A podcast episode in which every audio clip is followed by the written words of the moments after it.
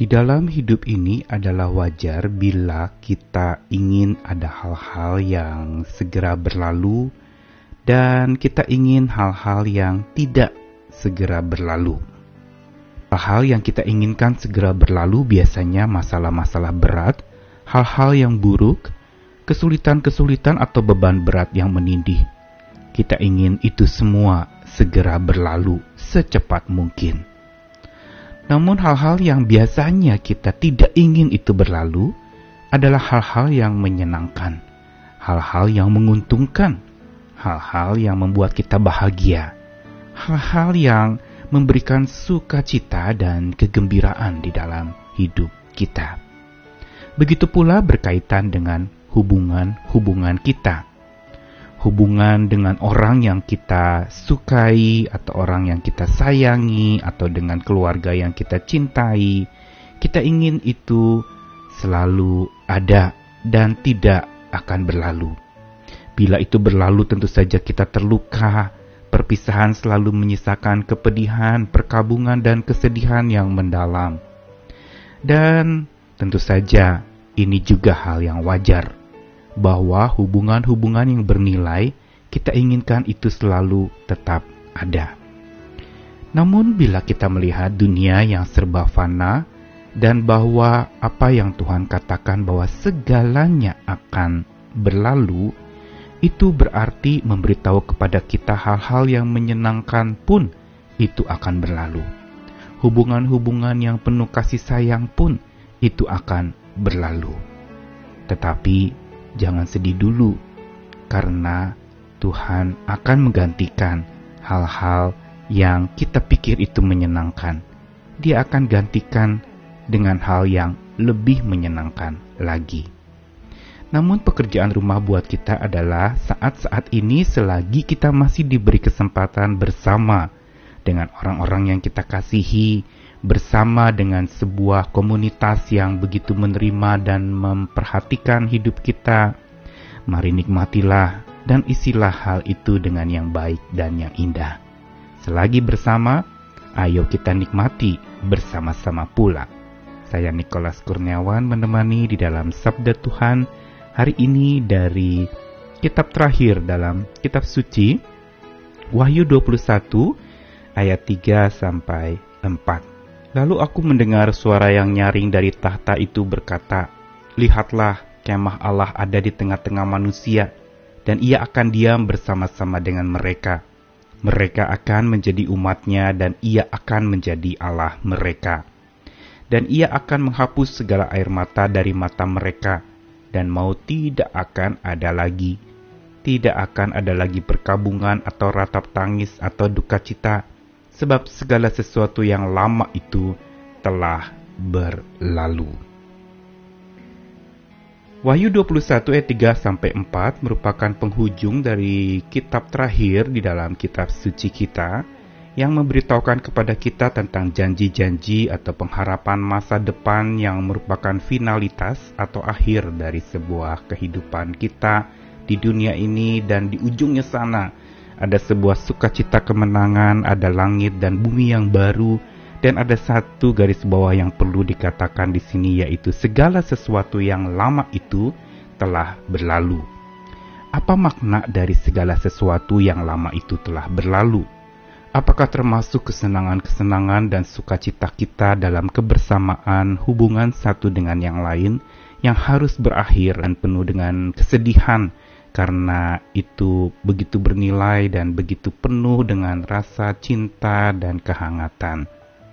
Tetapi apa yang dikatakan oleh kitab Wahyu ini di dalam ayat 3 sampai 4 dari Wahyu 21 Tuhan menyinggung mengenai masalah kemah yang berbicara tentang sesuatu yang memang nomaden atau selalu berpindah-pindah. Dan itulah yang menandakan kehidupan kita di dunia ini ada perpindahan demi perpindahan, sesuatu yang tidak permanen, sesuatu yang tidak akan abadi, sesuatu yang akan dipindah dari satu tempat ke tempat lain. Kemah bukan seperti rumah dengan bangunan yang besar harus dihancurkan. Kemah cukup dipindahkan saja, dan dia akan dibangun lagi di tempat yang baru. Namun di dalam Wahyu 21 ayat 3 dikatakan ini adalah kemah Allah yang ada di tengah-tengah manusia dan Tuhan akan bersama-sama dengan mereka. Mereka akan jadi umat Tuhan dan Tuhan akan jadi Allah mereka. Ini merupakan satu janji bagi setiap kita yang mungkin bertanya-tanya mengapa masa-masa sukacita dan bahagia dalam kebersamaan itu tidak bisa selamanya. Benar memang tidak akan bisa selamanya karena kita ada di dunia ini juga tidak akan selamanya. Serba fana dan akan sudah selesai pada satu titik di mana Tuhan katakan sudah selesai.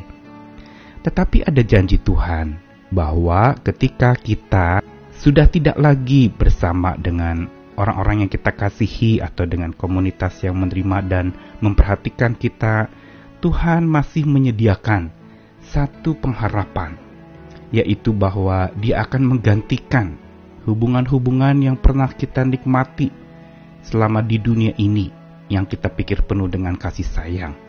Tuhan akan mengganti dengan sesuatu yang jauh lebih bernilai, yang jauh penuh kasih sayang, yang jauh lebih berarti, paling baik dan paling indah tersedia buat kita yang percaya kepada Tuhan.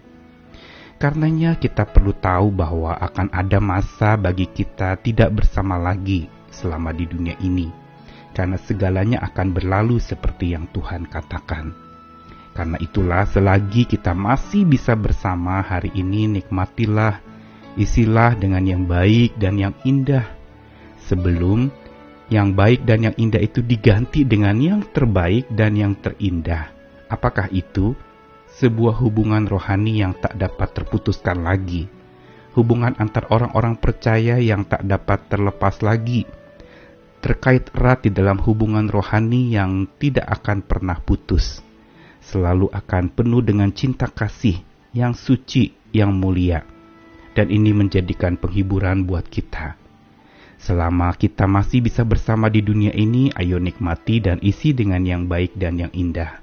Tetapi nanti, setelah kita sudah tidak ada di dunia ini dan sudah tidak bisa bersama-sama lagi seperti yang sekarang ini, Tuhan akan sediakan sesuatu kebersamaan yang berbeda. Kebersamaan yang lain yaitu kebersamaan yang terbaik dan terindah, melampaui hal-hal yang baik dan hal-hal yang indah yang pernah kita kecap selama di dunia ini. Mari pada saat ini, selagi kita masih bisa bersama, ayo nikmati, ayo isi dengan hal yang baik dan yang indah. Dan kalau sampai akhirnya kebersamaan kita harus berakhir, ingat di dalam iman percaya kita kepada Tuhan sesungguhnya tidak ada akhir. Yang ada adalah kekekalan. Apalagi cinta kasih itu adalah sesuatu yang abadi. Karena Allah adalah kasih, cinta kasihnya pun adalah abadi, kekal, dan selalu tersedia buat setiap kita. Tuhan tidak pernah akan menghabiskan atau menghilangkan kasih sayang itu di dalam hidup kita dengan sesama manusia. Tapi Tuhan akan menggantinya dengan yang baru seiring dengan dia menggantikan manusia-manusia yang ada dengan manusia-manusia baru yang diperbaharui oleh Tuhan.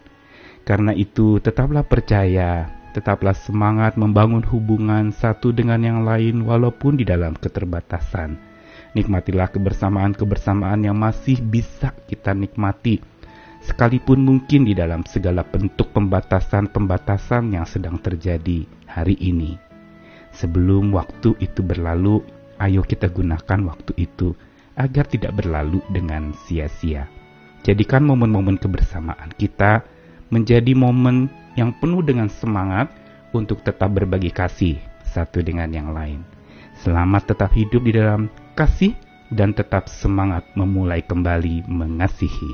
Amin.